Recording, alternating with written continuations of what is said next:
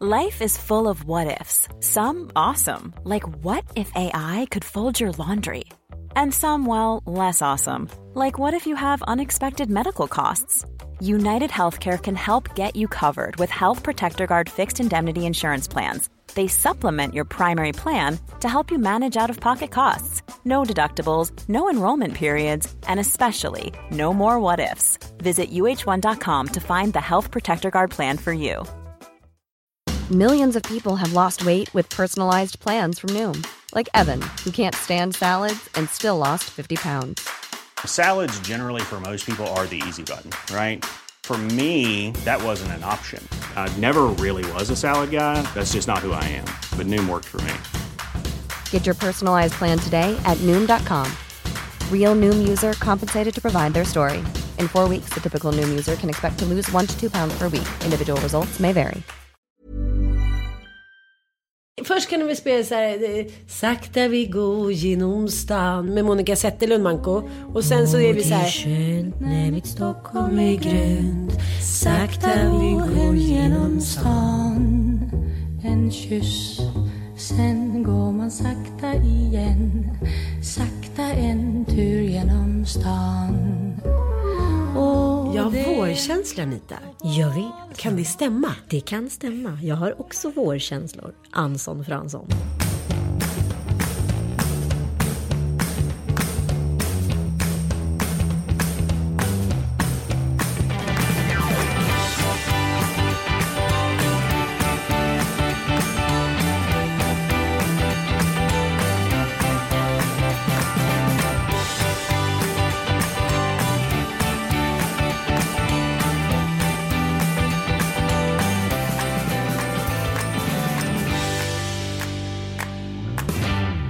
Himlen är blå. Mattias är ju då på sin mässa i Stuttgart, Frankfurt, eh, Nepal eller på att säga. Och han ringde igår och sa här, "Ah, hur är det i Stockholm då? Nej men gud det är jättevarmt ute, knallblå himmel. Och sen skulle vi gå ut och promenera, då var det jättekallt. Det är så löjligt att bara för att det är blå himmel och man är så utsvulten på ljus så är det direkt att man eh, synkroniserar det med värme. Precis, men vi har ju bytt podcaststudio. Så det är ju liksom, känns som en liten ny era kan man nästan säga. Vi sitter väldigt nära himlen. Vi sitter väldigt nära himlen, vi ser ut. Det har vi liksom inte gjort. Vi har suttit i en liten mörk grotta så länge. Och sen så har det hänt någonting. Jag vet inte vad det är. Istället för att gå och titta ner i gatan så går jag och tittar folk i ögonen. Mm. Och det händer någonting när man möter blickar. Jag vet inte vad det är. Men är det för att du vill se om du får bekräftelse? Är det, vill du liksom... men jag vet är inte, det jag här är vår? Är det våren? Jag tror det är våren, plus att så här, man är också så här, lite mer nyfiken på människor generellt. Ja. Så är det alltid när man är vild och skild. Mm. Då skulle jag vilja fråga dig lite om veckans Tinderpås. Veckans Tinderpås är, du var ju faktiskt med och, Ja, det är sant, och det är instiftade Tinderpåsen. Ja. Vi har, kanske ska ha det här som ett stående ämne i podden. Ja, för det är fruktansvärt roligt. Men vi kollade igår när vi brunchade. Mm. Det tycker jag är så härligt att bruncha. Exakt. Det är lite så här, jag har ju varit ensam nu med fransosen sen i, eh, var det torsdags eller fredags? Fredags. Och så mycket som jag har gjort på den här helgen. Det har jag gjort de senaste fyra åren. Jag är så här, oj, klockan är sex. Jag har redan eh, gått på powerwalk, brunchat, varit med en kompis, eh, köpt beslag. Alltså, sån galenskap.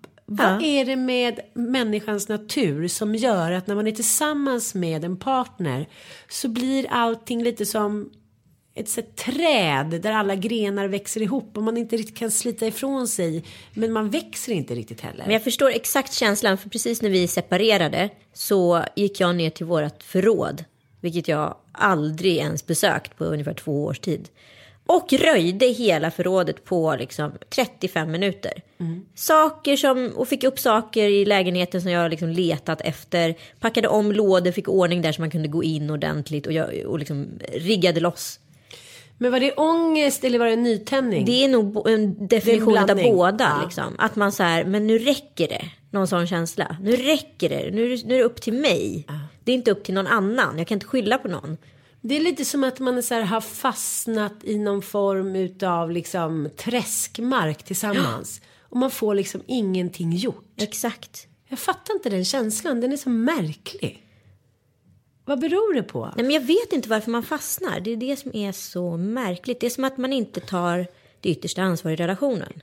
Men jag tycker inte att man tar yttersta ansvaret riktigt för sitt liv. För att relationen blir ju så väldigt mycket av ens liv. Och det blir som att allting blir lite så här, ja men det där gör jag sen. Eller ja, det får vi se. Allting från att sätta upp en tavla till att liksom boka den där semestern. Till att det är som man går omkring i liksom cirklar och tänker så här, men den andra gör väl det.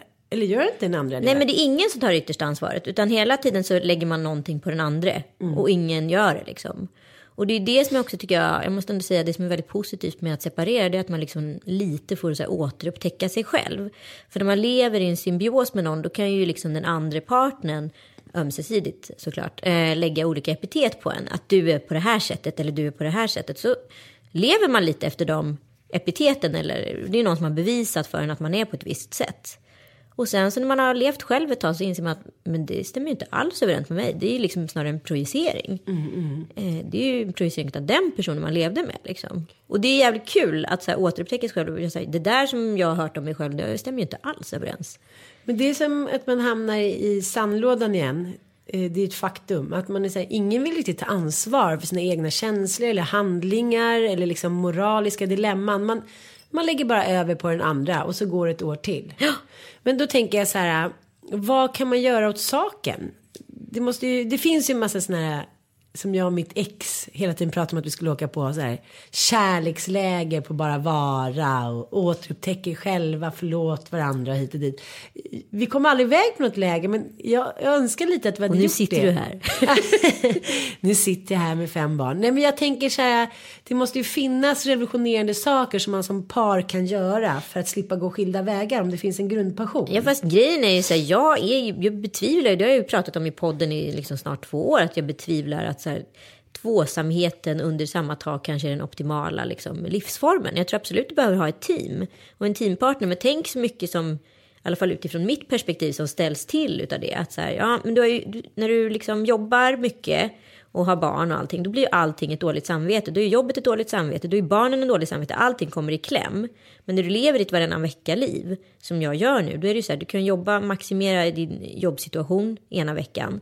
Och sen så längtar du dessutom efter barnen. Så du får ju liksom, det blir ingen släcka bränder-liv, utan allting blir ganska mycket härligskap. För att man behöver inte heller förhandla om tid och vem som ska få göra vad och när och hur. Utan du liksom är ju mästare utav din egen tid. Och det är ju, förlåt, fucking fantastiskt. Men jag tänker att man att man borde vara en sån fri individ att man, man, man tänker vad som får en själv att må bra och så lever man ut efter det precis som man inte för att man, inte att man vore ensam i relationen men att så här, de här tre till fem grejerna måste jag ha i mitt liv och nu kommer jag bara boka upp dem, sköt det. Men så, så är ju inte riktigt jag. Nej, Men jag tänker att jag ska bli det. ja, fast du är ju en evig tonåring. Det är det som är problemet med dig. Om jag ska säga så. Ja, men det handlar väl om det här att man i, här, i en relation lägger över grejer på varandra så fortsätter man vara den där eviga tonåringen. Ja, och det blir ju så här, det som är, jag måste ändå säga så här, jag har ju separerat en gång tidigare, det är så här, man växer ju upp liksom. Man växer upp, man tvingas ta ansvar och det är ju det bästa som kan ske en människa, för det finns något oerhört så här, fan också sexigt med att ta ansvar. Men vad saknar du då? Nej, men man kan ju sakna liksom självklarheten. Förstår du? Att den andra alltid finns där, att det liksom alltid är någon som... Eh, du vet, att välja ensamheten själv, det kan ju vara väldigt lyxigt. Men att tvingas in i den kan ju vara väldigt olyxigt. Jag, tycker jobb, jag tycker helgerna kan vara ganska jobbiga faktiskt. Ja. När man är själv liksom. Eh, att fylla tiden, då känns det ju så. Men veckorna är ju inga problem överhuvudtaget. De bara swishar ju iväg liksom. Just det där med att fylla tiden, det är ju liksom paradoxal. För det stämmer ju inte. Du har ju lika mycket tid när du är ensam som när du är med någon annan. Det är bara det att det finns ju något härligt i att gå upp på morgonen och så är hela ens crowd där. Och så behöver man inte så tänka på vad som ska hända. Man kan bara flyta med. För när man vaknar och är själv, då vaknar man oftast lite tidigare. Och sen är det så här, då kommer den där känslan gnagande av tomhet, ensamhet och övergivenhet. Och då måste man ju fylla det på något sätt. Fast egentligen är det ju ingen skillnad. Nej, Men jag håller ju, nu har jag ju bara varit ensam liksom hemma några dagar. Men det är en, det är en märklig känsla just det där. Det där vakuumet precis mellan man ska, liksom, man lägger sig i sängen och man ska somna och man vaknar och ska iväg. Det är lite så här, Jaha, man famlar lite i mörkret. Man är så van vid att bolla med någon eller tjafsa med någon eller liksom krama någon eller hjälpa någon. Så att helt plötsligt så är allting så stilla på gott och ont. Nej, jag tycker det är svårt det där och jag hittar inte någon riktigt bra lösning på det här som vi brukar prata om. Vad som är den ultimata livsformen. Jag tror ju allt mer på att så här, ett särboliv skulle kunna vara den ultimata livsformen. I alla fall för att så här, överleva förlåt, småbarnsåren och vara, hålla god ton och vara sams. Liksom. Ja. För att så här, du står inte att de- den här, den genuina känslan som jag har nu med risk för att låta bitter, det är ju liksom att man hela tiden i en relation står i skuld till varandra på något sätt. Och den känslan är inget bra. Om man inte så här, om man slutar unna varandra saker och så här, unna varandra tid, för det är oftast det det handlar om, om man nu ska liksom skala av alla lager, så är det tid man måste unna varandra på olika sätt. Och gör man inte det, när man slutar med det, då, vad heter det, då blir det ju bara en bitterhet kvar. Jag är alltid runt två och ett halvt år sen. Exakt. Nu var det senast var det I Vikings. runda släng. Två där. Nu har jag som en besatt börjat kolla på Girls. Just det. Mm. Men som jag sa till dig innan, jag har väntat in den här serien. Man kan inte titta på den serien när man så här, mår dåligt eller är jättemissnöjd med livet. Eller, man måste så här, man måste stå med med benen i två läger. Och man måste också säga, jag tror att man måste vara själv när man ser den. För nu tror ju jag att jag är ihop med Adam. Ja, ja, jag fattar. Jag bara måste säga att det är så briljant manus att jag är så här, jag är i chocktillstånd. Mm, det är så jävla bra. Det är så jävla bra. Och om man jämför det då med som ändå vi såg när vi var i den där åldern, Sex and the City, så är det ju bara ett sånt jävla skämt. Alltså, så... Ja, det är så ytligt och så plastigt i jämförelse. Jo, men också det här att tjejer... Men du ska, man måste vara snäll nu, för utan Sex and the City hade inte Girls funnits. Nej, jag vet. Men jag bara jag är så lycklig över att det har hänt så mycket sen Sex and the City. Ja, Förstår vad jag menar? Alltså, Och- förstå vilken ynnest att vara född på 90-talet och växa upp med de här förebilderna av kvinnor. Ja, det märker man också på 90-talistmännen. Att de är ju som girls fast killar. Ja, Och det är liksom en helt ny värld. de är så modiga, Ja. de är så coola, de har sånt jävla självförtroende och de är liksom smarta och löjligt modiga. Alltså är- nu, nu ska jag inte säga för mycket, men det är ju väldigt många 90-talistmän som har kontaktat mig på Tinder. Ja. Och jag så här, Veckans Tinder. vad sa du? Nu är vi inne på veckans Tinder. Veckans Tinder. Ja. Nej, men och då blir jag så här, att ni vågar. Alltså jag är så här tvåbarnsmorsa, liksom snart 39. Eh, att ni har the guts att så här, ta kontakt med mig. Jag är liksom väldigt chockad över det. Ja, men och plus det också att du är liksom officiell eller man ska säga. Ja, men, ja, men, Ja, men det kanske spelar in. Kanske en bra grej, inte vet jag liksom. Nej, men jag tycker att det är ännu modigare då på något sätt. Ja, men då Alltså- tänker jag att den som skulle rimligen våga, det skulle ju vara en snubbe runt 46-47 liksom. Mm. Som så här, ah, har mina cojones och liksom, nu jävlar den här bruden ska jag ha liksom. Nej, ingen! Ingen! Bara 90-talister. Jag tänker så här när man själv var runt 20 och så, så dejtade man äldre killar. Då var man ju deras liksom penisförlängare. Man var ju deras kuttersmycke, deras liksom fjäder i hatten. Så är det ju inte alls längre. Nej, och plus att, så här, att vara singel och vara på andra sidan. Jag har ju alltid varit den där tjejen som har suttit och väntat. Liksom, kommer han ringa? Kommer han höra av sig? Undrar om han vill? Är han lika intresserad av mig som jag är av honom? Att man nu typ liksom så här, jag kan välja vem jag vill. Den är helt sjuk. Jag har ju blivit en snubbe. Förstår Ja. du? du bara sitter och pekar. Klickety klick, klickety Så jag samlar på frimärken. Jag tycker du är så modig. Nej, men det är roligt just nu. Ja, men jag fattar. Men det handlar ju om att komma in i Jag håller ju hela tiden på mitt sätt. Jag skulle aldrig kunna gå på Tinder. Jag skulle aldrig, jag hatar att gå på blind Men du, dates. kom igen, hallå, det har gått relativt fort. Du hör- vet vad jag sa på Kinondo Cueto? Alltså när vi Ja, satt i Kenya. Ska aldrig gå ut på Tinder. Men sen är man ju dum i huvudet om man säger en sån sak. För så här, var träffas människor nu för tiden? Jo men de träffas ju och pratar mestadels via liksom sociala medier. Facebook, Instagram eller vad det nu är. Vet du framförallt vad som är så jävla härligt? I helgen var jag ute. Liksom med ett gäng tjejer. Ja. Tittar inte ens på killar på krogen.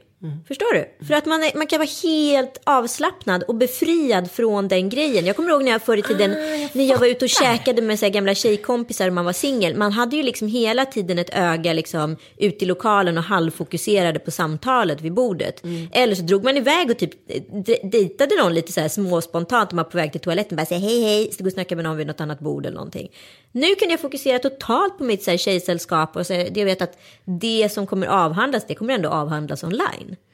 Ja, gud, det är faktiskt win-win situation. Nej, men alltså jag är så tacksam för den nya världen. Alltså jag är så glad. Förlåt. Nej men alltså det är väldigt, alltså, det är väldigt frigörande på så många sätt. Men förr i tiden sa man ju här, bakom varje framgångsrik man står en kvinna. Ja. Nu kan man ju börja ändra på, det ritas om kartan tror jag. Jag vet, och den ritas så jäkla snabbt. Ja. Bakom Du- varje framgångsrik kvinna står en jävligt skön dude skulle jag säga. Ja men jag tycker det är så roligt som jag sa i förra podden, min killkompis som bara, men kan ni inte bara ta över direkt så slipper liksom lidandet för oss och förnedringen bli så lång. Så ta över världen så vi vet liksom vad vi ska ha för roller. Ja det är roligt. Ah, ja. ah, men nu avslutar vi det här med Tinder, men vi måste ju ta veckans Tinderbild. Ja, vi måste bara avsluta med veckans Tinderbild. För igår när vi satt och smackade på vår lilla brunch, då tittade vi lite. Ja. Får man säga att man smygtittar med någon som har Tinder när man själv inte har Tinder? ja men det får man göra. Eller det kom il faut. Det, men det är, alltså jag blev ju också Tinder-rapad i helgen. Det var någon som så här, Va? swipade höger på, ja, kanske inte den killen som jag hade så valt. Så det blev en match och jag fick så panik. Nej. Ja, fortsätt. Ah, ja. Okej, men då kollade vi lite och då eh, blev jag väldigt så här, upphetsad och till mig. För nu såg jag en helt ny bild som jag förut inte hade sagt. Män bakom träd. Alltså killars presentationsteknik, återigen. ja, men jag tror att det handlar om att vi tjejer. Vi har objektifierade aldrig riktigt från vad vi början. Tycker, för vi är rädda att männen ska bli sårade. Så om vi, om vi skulle ha sagt så här, vi vill inte se dig stå och påsa med en hatt i skymningen. Eller liksom med en hundvalp eller med, några hade ju också pistol. Mycket vapen. Ja, Okej, legio, regel nummer ett. Kvinnor går inte igång på vapen, det är män som gör det. Ja men det är jättemånga killar också som påsar vid bilar och sånt där. Det är väl ingen brud som bryr sig om en bil? Okej, kattunge eller hundvalp. Det, det, det kanske man ändå tycker såhär, åh vad Ja men gulligt. det finns mycket kattkvinnor där ute som bara, åh titta en kattman. Ja. Ja, katter. Ja. Men, men just den här som vi såg igår, man bakom ett träd. Det var tre träd. Tre träd. Nej. Det var ju tre olika män med tre olika träd. Tre träd.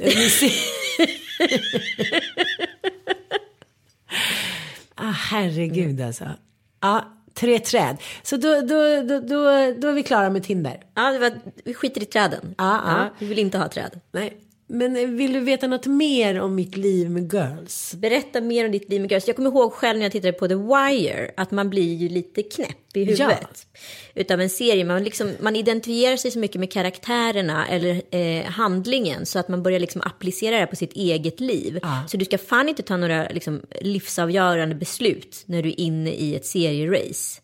Nej, jag förstår. Men, men man blir väldigt, väldigt påverkad. Ja. Och så blir man också så här.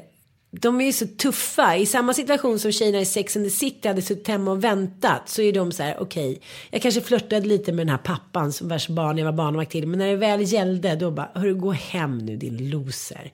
Alltså förstår du, så de har precis, de twicklar hela tiden på andra sättet. Men det är också så här. Ja men som när Shoshana kommer tillbaka från eh, toalettkön när de på en fest. Då har hon råkat röka crack. Som man alltid råkar ut va? för. Som att säga, Men det är ju så sjukt i New York för jag har verkligen, jag har några kompisar som bor där, de är så här, ah nej men det var någon som rökte crack på en fest och man bara så här, det är ju liksom så här höginkomsttagare, det är typ som en partydrog. Mm, Det låter helt sjukt för du vet ju vad man ser framför sig. Ja, ja, ja, du ser ju en pundare sitter och pundar crack, Ja, men om du, då bara, tar, om du bara liksom puffar lite crack sådär på, på ett, liksom några bloss hit och dit, då är det tydligen ingen fara alls.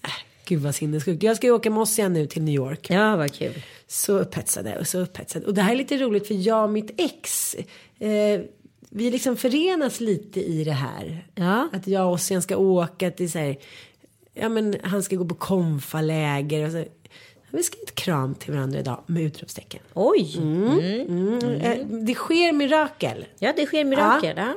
Så att, eh, jag, jag vill bara säga det till människor som håller på att separera eller mår väldigt dåligt. Att tänka sig att det här kommer aldrig bli bra. Men det blir ju väldigt bra om man vill att det ska bli bra. Precis. Men sen så har, har det tagit slut på flera olika sätt. Och det tycker jag har varit så otroligt skönt. Och även för dig och Kalle tror jag att man inte lämnar för någon annans skull. Nej men det är det, att det Jag finns tror en ren som är- Mm. lämning. Och, och också så här, vi är också jävligt så här sköna med varandra i alltså runt barnen är det ju liksom ingenting ett problem eller någonting som skaver. Sen får man ju akta sig för det så här känslomässiga liksom. Gå in i den andres liv och det kan ju vara jobbigt för att så här när man, är, när man liksom separerar så är man ju så här, vem träffar hon, vem träffar han, vem är det på gång, vem, vad händer, vad händer, vad händer. gud, Den här ja. jakten på bevis är så jävla farlig. Du går in och listar varandras, kollar vilken, vem har den börjat följa på Instagram, man kollar på Facebook, man håller på liksom och så här kartlägger och nätverkar runt liksom som en så här researcher-sluging. Du går Lisbeth Salander på ditt ex liksom. Och det är ju en absolut så här instant gratification, alltså det är en direkt belöning på att du kanske har listat ut någonting. Men i slutändan så är det ju bara du själv som hamnar, i- hamnar i en kris. Så jag har liksom bara valt att så här, jag ska liksom inte ens eh, gå in i det där. Men den här detektiveran som man kommer in i. När Ja. så här, som att man ska få en belöning av någon annan. Så här, ute på stan eller från kungen. Så här, haha, där kom jag minsann på. Och Ja. så ska man så här, ringa och anklaga lite. Så här, aha. Ja. Mm, nu såg jag vad du hade gjort där. Och så- Nu behöver man inte göra det i Kalles fall, för han är ju ganska öppen på Instagram med vad han håller på med. Det måste jag faktiskt se mitt ex. Han har liksom inte lagt ut en enda bild. I och för sig har han blockat mig på alla sina sociala medier. Det men, ja, men jag har gått in någon gång på barnens och sådär. Men inga liksom bilder på brudar. Ingenting sånt överhuvudtaget. Jag tycker så här, man ska hålla det så osmetigt eh, som möjligt. Själv körde jag direkt på Gotland så här, bilder på mig och Mattis när vi kysstes och så här. Så jag kan inte riktigt säga att jag lever som jag lär. Nej, Nej, det, det kan jag inte säga. Och det är väl någonting som blir väldigt tydligt för en människa i krissituationer. Att man, eh, man liksom krackelerar ganska tydligt framför sig själv i spegeln. Man blir en ganska ful människa i tag. Ja, men liksom. alltså det där är, det är, ingen, det är inga drag man är stolt över och det är ingenting man vill liksom identifiera sig själv med. Men det är bättre, tänker jag, för mig själv att erkänna mina absoluta fel och brister än att inte göra det. Men har du gjort något riktigt galet sen det tog slut? Alltså någon sån här luska ut grej, typ det, liksom privatdetektiv eller något Nej, sånt jag var mycket mer manisk eh, sist jag separerade. Men då hade ju han också de facto varit otrogen så då blir man ju galen på ett annat sätt. Den här gången har jag liksom, jag har liksom varit lite för stolt tror jag för att vara för patetisk. Men det är klart att jag gör patetiska grejer hela tiden. Det är ingenting du vill dela med dig av? Inget just nu, inte, Nej. inte i den här kanalen för det spelar fan ingen roll vad jag säger just nu så blir jag citerad av någon jävla tidning. Så att det,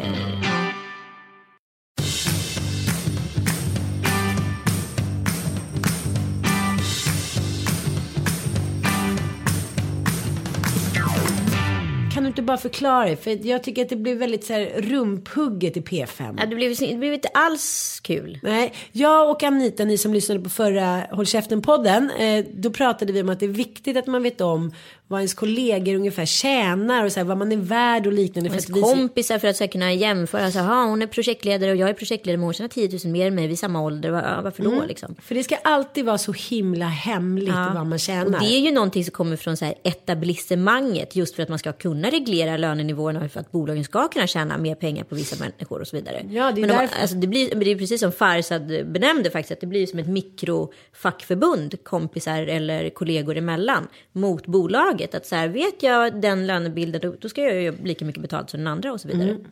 Men nu framstod det ju som att du var typ en galen kvinna som så här sh- shoppar på Chanel varenda. Men, eh, För att du tog ut så mycket pengar. Du sa att du tar ut 150 000 i månaden. Men, men det finns ju en orsak Till att börja med det. så är det 57 procent skatt Ja, på den här summan. Ja. Mm. Det ska vi prata om. Nummer två är att jag bor ju kvar och har tagit ett banklån för att kunna ha råd att bo kvar. Och Mm. jag måste ju bevisa för banken att jag faktiskt har de facto de pengarna. Mm. Så att då måste jag ta ut så mycket i lön. Jag skulle aldrig i helvete göra det annars. De bara, ska du köpa Versailles? Ja, exakt. Så att det här är ju liksom en lön du tar ut en kort tid. Men ja, det, det, det blir ändå lite så här, nu bjuckade du på det där och nu fick du äta skit. Så att det är så här, tråkigt. Mm, tråkigt, men så kan det vara. Men nu behöver vi inte prata mer om det för jag tycker det är jobbigt att prata om det. Jag tar ut 5 000 kronor i månaden. Ja, det vet jag. men eh, Justin Timberlake är tillbaka Ja! på Instagram och sänder live. Jaha, jag Ja, jag missat. kollar på alla Justins livesändningar. Varför älskar vi honom så mycket? Jag vet inte, jag är helt besatt av honom. Nej, men jag är också helt besatt. Och jag har alltid varit det. även men jag med, även om jag var typ 12 år. Så jävla obehagligt. Men man försvarar sig ju med den här tantsnuskregleringen att det är, ja men som när jag satt eh, och käkade middag då med Nicky från Idol. Och eh, jag är då förklarat att jag är besatt av Liam. Bara för att han påminner om din son. Ja. Yeah right, my ass. Jag vet, alltså, men det var ju mitt du är försvar. på honom. Ja, Ja. Men det är ju patetiskt. Det är patetiskt. Jag älskar honom. Men det var så, hur många mammor har inte blivit så glada när Justin eh, Bieber skulle komma till Stockholm och spela så de gladeligen följde med sina tonårsdöttrar och eh, söner på den här konserten fast de inte alls behövde. Ja, jag vet. Det fanns vissa omskrivningar där, nej men det är bra, det kommer så mycket folk, det är, ah, nej, det är inget bra för dem att vara där i den miljön, det, det är läskigt rent av. Det är bäst att jag är med och kontrollerar det här. Så du menar att det handlar inte om att han är lik oss igen Liam, utan jag tycker verkligen att han är het. Ja, nej men alltså förlåt mig, vi har ju ändå erkänt oss själva som kvinnogrisar. Då måste vi ju också kunna erkänna för oss själva att så här, ja, precis som män tidigare tittat på yngre brudar och inte haft några problem med att så här, ja, uppskatta diverse unga modeller på, i sociala medier eller andra kanaler. Liksom. Eh, så måste vi kunna erkänna att vi tycker väl också att unga män är ju attraktiva. Sjutton. det Ja, vet varför vi. skulle det vara konstigt? Nej, men alltså, jag tror att det som har hänt med det här generationsskiftet, att tjejer är de nya killarna, eller vad man ska säga, eller vi är alla en hen. Ja. Eh, Så nu är det inte ett dugg konstigt om vi erkänner att vi kollar så här på 22-åriga killar eller 19-åriga killar. För det har ju män legitimt fått göra alltid, alltid, alltid. Exakt. Ja. Men då var det i alla fall en tjej som skickade på min direkt-insta och bara, "Ah, hörde på lille lördag att du behöver en, en barnflicka eller barnvakt. Så här, Att du är i behov av det. Eh, Jag skulle jättegärna kunna göra det, jag vill jobba extra för dig och så här. Mm, gick in och kollade. Ja, väldigt, väldigt liksom. Ja, snygg. Ja, med behagen på rätt ställe och liksom uppvisning och sådär. Och så sa jag till Mattias, det här är vår nya barnflicka. Och då var det så här, wow, kolla! Alltså varför skulle inte han tycka att hon var het? Alltså precis som att jag kollade Ja, på... exakt. Ja. Men då förstår du ju också att du inte kan anställa henne. Ja men det där är ju också så himla fel. För att det ska också så här stoppas upp, korvstoppas liksom in i en psyket som även i Girls där med hon som är den snygga, lite så här bohemiska tjejen. Ja. Ja, och så skulle hon vara barnflicka och direkt så vill pappan ligga med henne. Men är det så, då, liksom, då ska man bjucka på det då? Ska man vara så här en modern kvinna som ska lita på sin man. Om man än, för nu är så en kompis till oss som, ja, som vi känner tillsammans. Hennes barnflicka gifter sig nu i helgen. Ja, precis. Och då skrev hon ett långt Med inlägg. hennes exman då. Ja. Så att barnflickan som eh, då hennes exman var otrogen med och eh, hennes exman gifte sig liksom. Ja. Men det har ju utspelat i samma scenario på eh, en förskola här i Stockholm.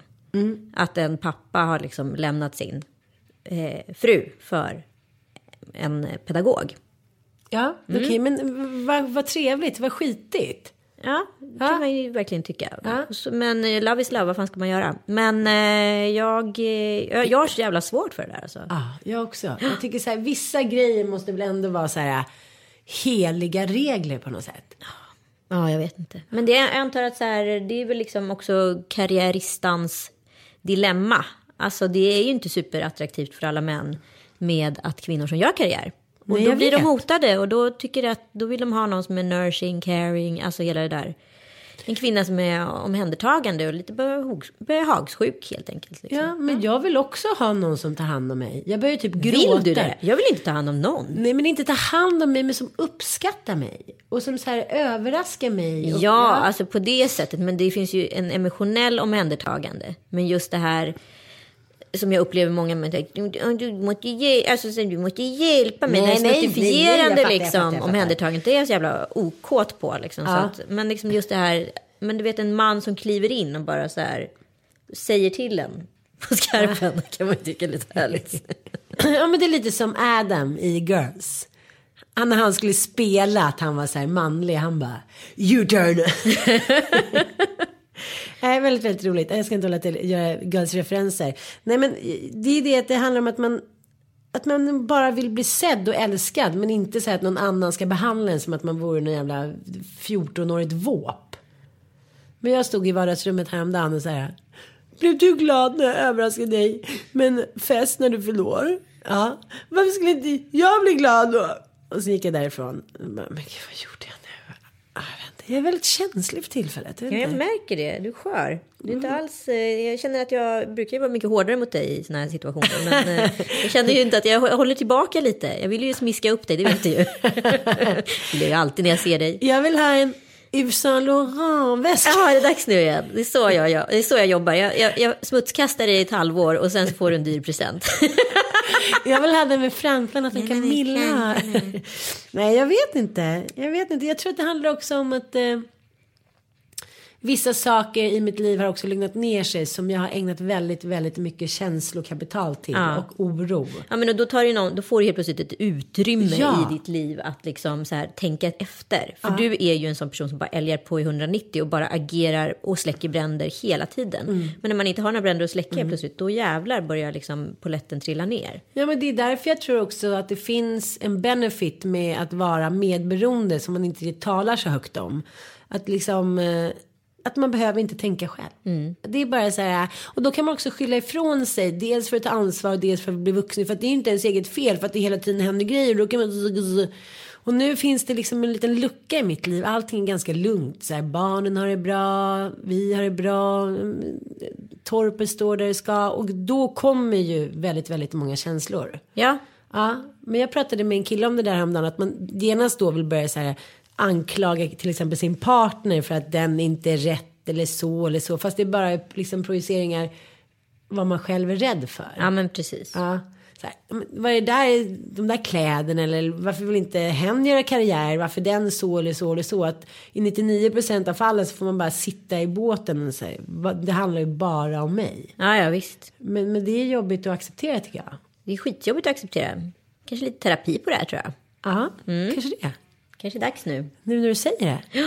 Ah, gud, jag är livrädd för det där. Nej då, det är de, dags ring, att börja gräva. de ringde från ett produktionsbolag och frågade om jag vill vara med i en ny tv-serie. Ja. Och ta upp då ett ämne som jag inte tycker att jag har bearbetat. Oj, det finns väl en del. Ja, jag bara, "Phew, vad ska vi börja? Eh, mammas död. Det kan bli tio säsonger. Jag bara, ni kan ringa de andra deltagarna. Ni kan bara ha mig. Men där kände jag mig inte alls taggad att sitta i, liksom, i SVT eller TV4 och bara så här.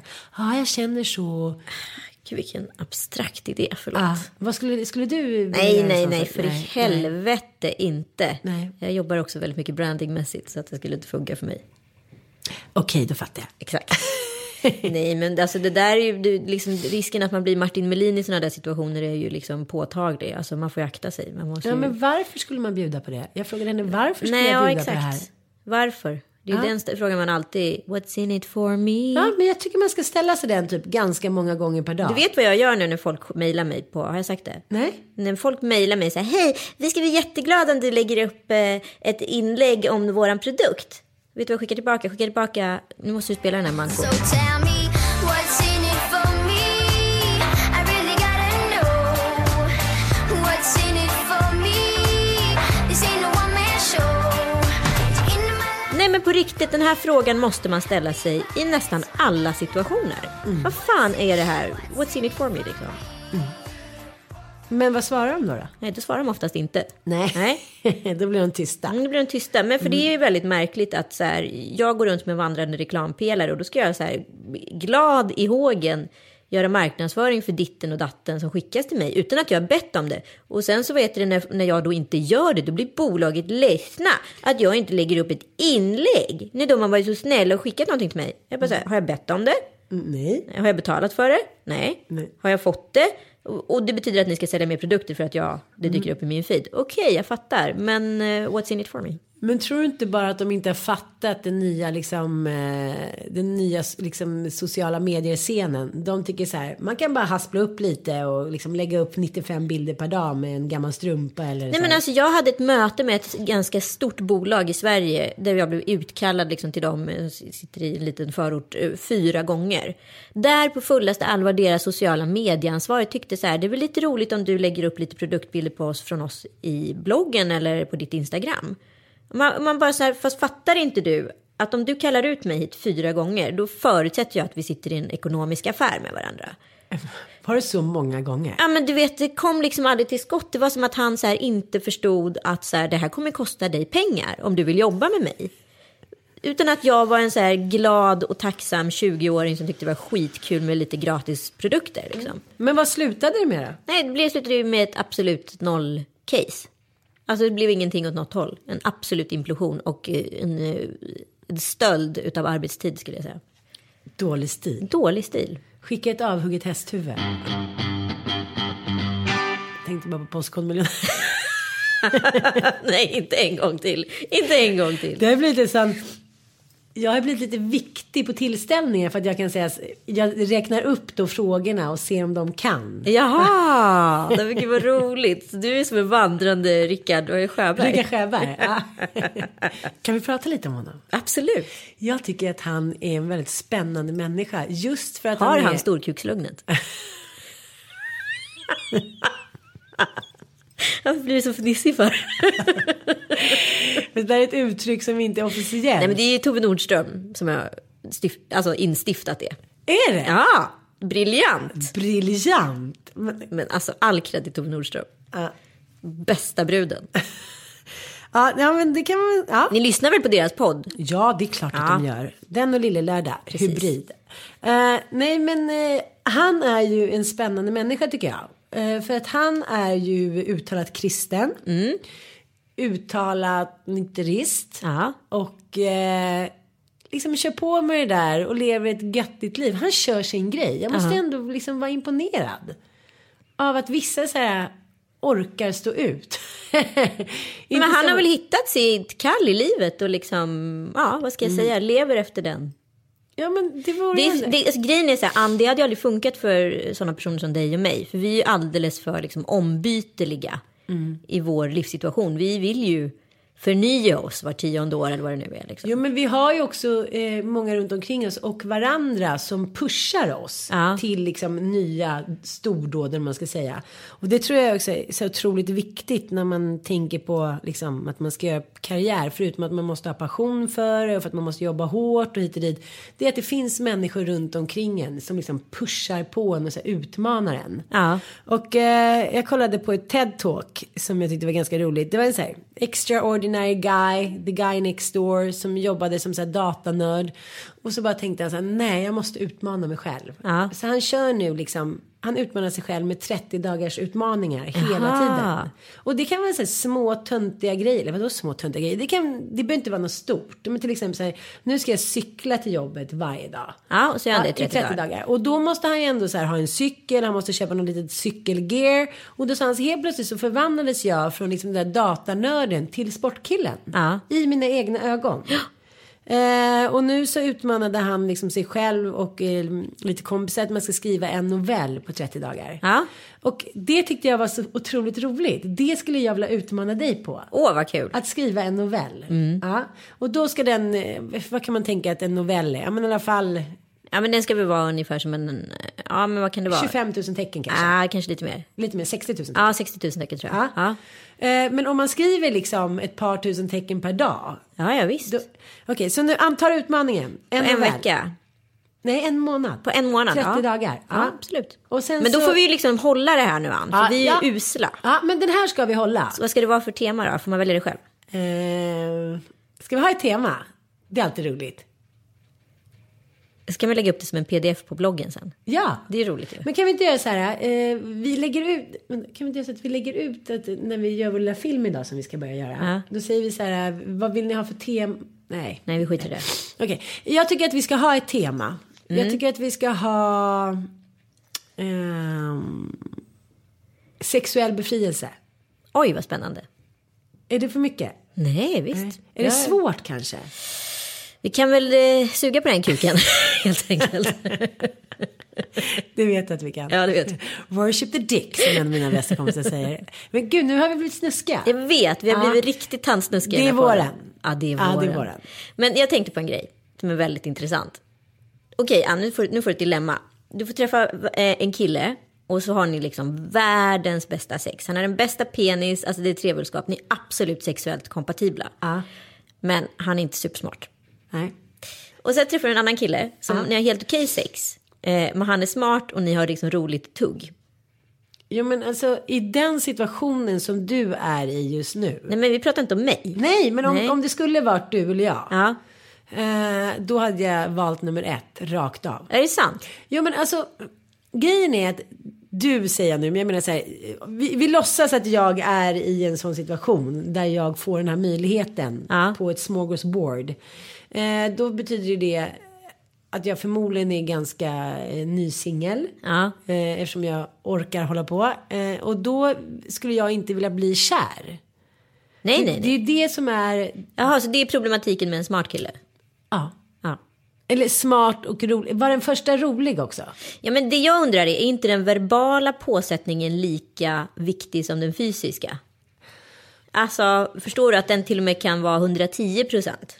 Fast det, det, det, du måste ju ändå måla upp en situation. Antingen så är det så att ni dejtar och går på middagar och ligger och snicksnackar hit och dit. Eller också så gör ni som jag gjorde när jag var singel. Att man bara liksom träffas sent på kvällen. Och Släpper sen, hem och så Ja. bara gör det man ska. Ja, och sen får de gå hem. Det var ju min gyllene regel. De var alltid tvungna att gå hem. Ja. Jag undgick, ja, det var inte alltid jag Nej, följde vad, regeln. vi har ju inga gyllene regler. Alltså, du kan bara liksom... Minigylden. Bronsregel. Fast grejen är att man, jag har ju nästan alltid blivit kär i hjärnor. Ja, Ja, och sen har de, tycker jag att de har blivit heta med tiden. Förstår du vad jag menar? Ja. Så att, ja, är svår. Väldigt, väldigt svår. Men samtidigt så är det så här. En sak som jag insett nu vid min eh, höga ålder. Det är att om det inte funkar, liksom, om det inte klickar från början. Det här med att lära upp varandra och bli sexuellt kom- kompatibla. Det är inte helt enkelt alltså. nej, nej, gud nej. För, för det kan man ofta höra så här, ja men vadå, han är ung eller han är det, det, men det kan man ju, du får ju lära upp honom då. Men alltså, med vissa har man ju bara den här jävla kemin att man säger, jag måste ha den här mannen annars dör jag. Och då blir det ju bra, för då vill man ju så här, det blir ju ens yttersta för att man känner att vad man än gör så blir det följsamt. Men vissa män så blir det ju bara väldigt hackigt och man kan inte riktigt förklara varför. Nej. Det blir liksom. Jag träffade något ex häromdagen så tänkte jag så här, men han är härlig liksom. Men det var bara så här, jag tyckte inte han var på riktigt. Så fort det blir lite skådespel i bingen, då bara har de förlorat mig. När det ska vara lite, här ligger jag med stånd i stånd i sängen Kan vi och är lite het. Magnus, kan vi klippa in den där stå-uppen som Nor kör från Rå? Eh, när hon pratar om eh, kuken. Så tittar du rakt fram där bara så ska jag presentera huvudrätten. Låt mig ta in, sist men inte minst, kuken! Och man bara... Mm. Kollar du rakt fram där bara så kommer kuken snart. Så där, titta inte bak för då vet du ju när den kommer. Man bara, oh du tänker överraska mig. Gud vad spännande. Jag håller i hatten så länge då. Ja, gör det. Ja, kommer den snart. Sådär ja. ja, visst. Kommer den snart. Ska jag bara dunka den mellan skinkorna så här först. Jag vet inte varför men jag sätter på porrfilm så då gör jag det. Dunk, dunk, dunk, dunk, dunk, dunk, dunk, dunk. Där kom den! Och man bara... Mm. Och så ska han liksom trixa så här liksom för att han får komplex för att det bara är in, ut, in, ut. Så ska han köra så här mjukt. Och sen byter vi till hårt! Och sen kör vi mjukt igen. Och så korta, snabba. Och man bara, men är det morsekoden? Vad fan är det liksom? Geni. Geni, morsekoden. Morsekoden. I och för sig. Nu när du Nu säger när du säger det, det låter trevligt. Ja, men det är också roligt tycker jag på det här nya sättet som säger när kvinnor skämtar om sex då blir det så snyggt. Ja. När män skämtar om sex då blir det typ Lenny Norman. Ja, men Josefin Bornebusch höll en sån jävla bra stå upp på, eller liksom eh, tal slash stå upp på Felix Herngrens 50-årsfest. Ja. Alltså de knäckte ju liksom Filip och Fredrik och alla med hästlängder i liksom, fy fan vad hon är vass när hon levererar alltså. Ja, Vad sa hon då? Nej, hon sa riktigt roliga grejer. Jag vill inte så här, det är en privatfest. Man ska inte hålla på för mycket. Men eh, Kan du spela upp det? jag kan ställa upp det. Om det någonsin offentliggör så ska jag göra det. Ja. Nej, det är jävligt kul att se tjejer stå uppe. Älskart. Älskart. Mer tjejer. Ja. Jag har ju sagt att jag ska stå upp om tre veckor. Men du är inte klok i huvudet. På en liten alternativ scen, glömt var. Eh, kan man bara sno Nors? Nej, men man kanske åtminstone kan... eh, Vi har ju en del ämnen i den här podden. Mm. Som man skulle faktiskt kunna låna till att göra en ståupp av. För det, jag tycker så här, man kan verkligen skämta om sex, man kan skämta om könen och varandras liksom tillkortakommanden när man gör det smart. Ja. För då blir det inte så här. Och jag tycker män ofta som skämtar eller håller tal eller liknande om sex eller kvinnor. Det blir liksom slag under bältet. Som att så här, nu måste vi att trycka till humor. Jag, jag har tänkt på en väldigt märklig grej. Det finns ju en väldigt stor komiker i Sverige, jag förstår inte varför det här inte är offentligt överhuvudtaget, som har en fru och sen så har han också en flickvän. Som är med lite på lite tillställningar. Ja. Ja. Det där hände ju mig när jag var 19. Att du hade en fru och en Ja. flickvän. och hängde med mig mina officiella tillställningar. Nej men det här är ju en person, om vi ska vara ärliga, som kanske inte har den bästa eh, synen på kvinnor. Nej. Och eh, inte så, så här, välrenommerade trevligskap kanske. Nej, kanske inte. Men det som hände är att, eh, där hände ju mig också, att den här mannen då sa att han var skild.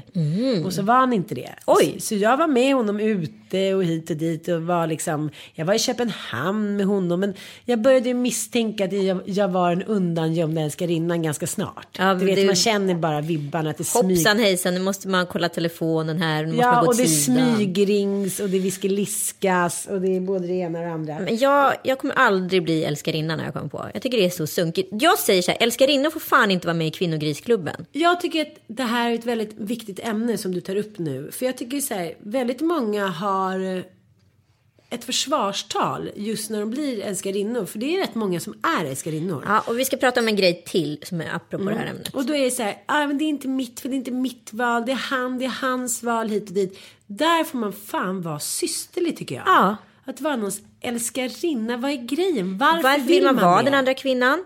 Nummer två, varför vill man också vara elak mot en annan kvinna? Jag tycker faktiskt att Lena Andersson i och med eh, sin bok, sina två böcker. Om Hugo Rask. Ja, Och- har gjort en stor samhällsinsats. Ja. Jag tycker så här, där har man insett att så här, dels ett, att vara älskarinnan leder aldrig någon vart. Nej. Väldigt ofta gör inte det. Eh, två så är det så här, den som väljer att ha en älskarinna kommer kanske välja det igen. Exakt. Ja. Och tre, att så här 2017 sitta och vänta på någon snubbe, vare sig han liksom är Justin Bieber eller Hugo Rask. Det är liksom, kom igen nu, vi måste ju stå över nej, det nej, på något sätt. Ja, men och... Och ändå så verkar det vara så många tjejer som väljer det. men jag pratade Den tiden faktiskt- är förbi. Det är inte 1700-talet vid franska hovet. Du behöver inte vara någon älskarinna. Nej! Och jag pratade med Kalle och jag har också upplevt det själv. Att det är oerhört många gifta människor som stöter på en när man är singel. Ja, men Och det är för mig så djävulusiskt sjukt. Jag tror att det är liksom en ny modern livsstil. Att man, så här, man vill ha sin fina lägenhet, sitt fina hus, man vill ha sina fina barn och sin fina fru eller man. Och så knullar man lite vid vänstern. Ja, men sen, typ den franska stilen. Mm. Och jag vet inte, jag tycker att det är så ofräscht. Och det här hamnade jag i en dispyt om med en väninna härom veckan. Hon var så här, gud vad du har blivit hård helt plötsligt. Så här, Vadå, nu man har ju så tråkigt där hemma och man inte ligger med sin karl och allt så tråkigt. Men gör slut då för i helvete. Nej, men det vill hon inte för att hon vill bo kvar där hon bor och hon vill vara med sina barn och hon behöver hjälp och liksom, ja men rent barnvaktsmässigt. Det är bara egoistiskt. Det är klart att det är. Jag skulle, nej, jag vet inte. Jag tycker så här, i den här världen som pågår och man kan säga välja både fult och fint och snabbt och långsamt och liksom så här, det är ju en värld där man, ja, det finns ju inte längre något facit för hur man ska bete sig. Nej. Vare sig moraliskt, sexuellt, någonting. man kan fan bete sig lite hur som helst och ändå få vara med i klubben. Ja, Då måste man ändå och då välja några ju- av sina liksom, strider tycker jag. Ja, och då återigen summeras den här podden utav en enda fråga. What's in it for me?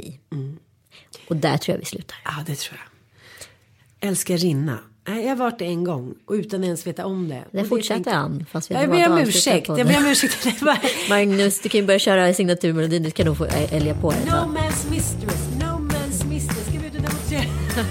Det är bara du och jag som får demonstrera. Jobbigt tåg.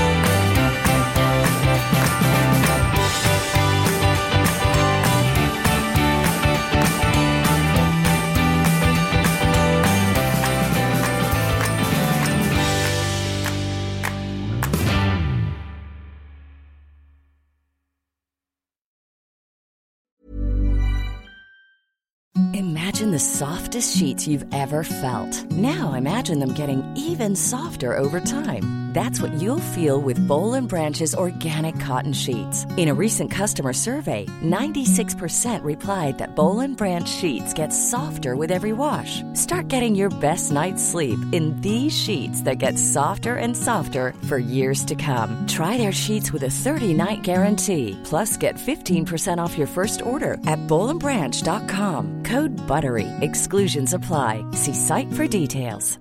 Even when we're on a budget, we still deserve nice things. Quince is a place to scoop up stunning high-end goods for 50 to 80% less than similar brands. They have buttery soft cashmere sweaters starting at $50, luxurious Italian leather bags, and so much more. Plus, Quince only works with factories that use safe, ethical, and responsible manufacturing. Get the high-end goods you'll love without the high price tag with Quince. Go to quince.com/style for free shipping and 365 day returns.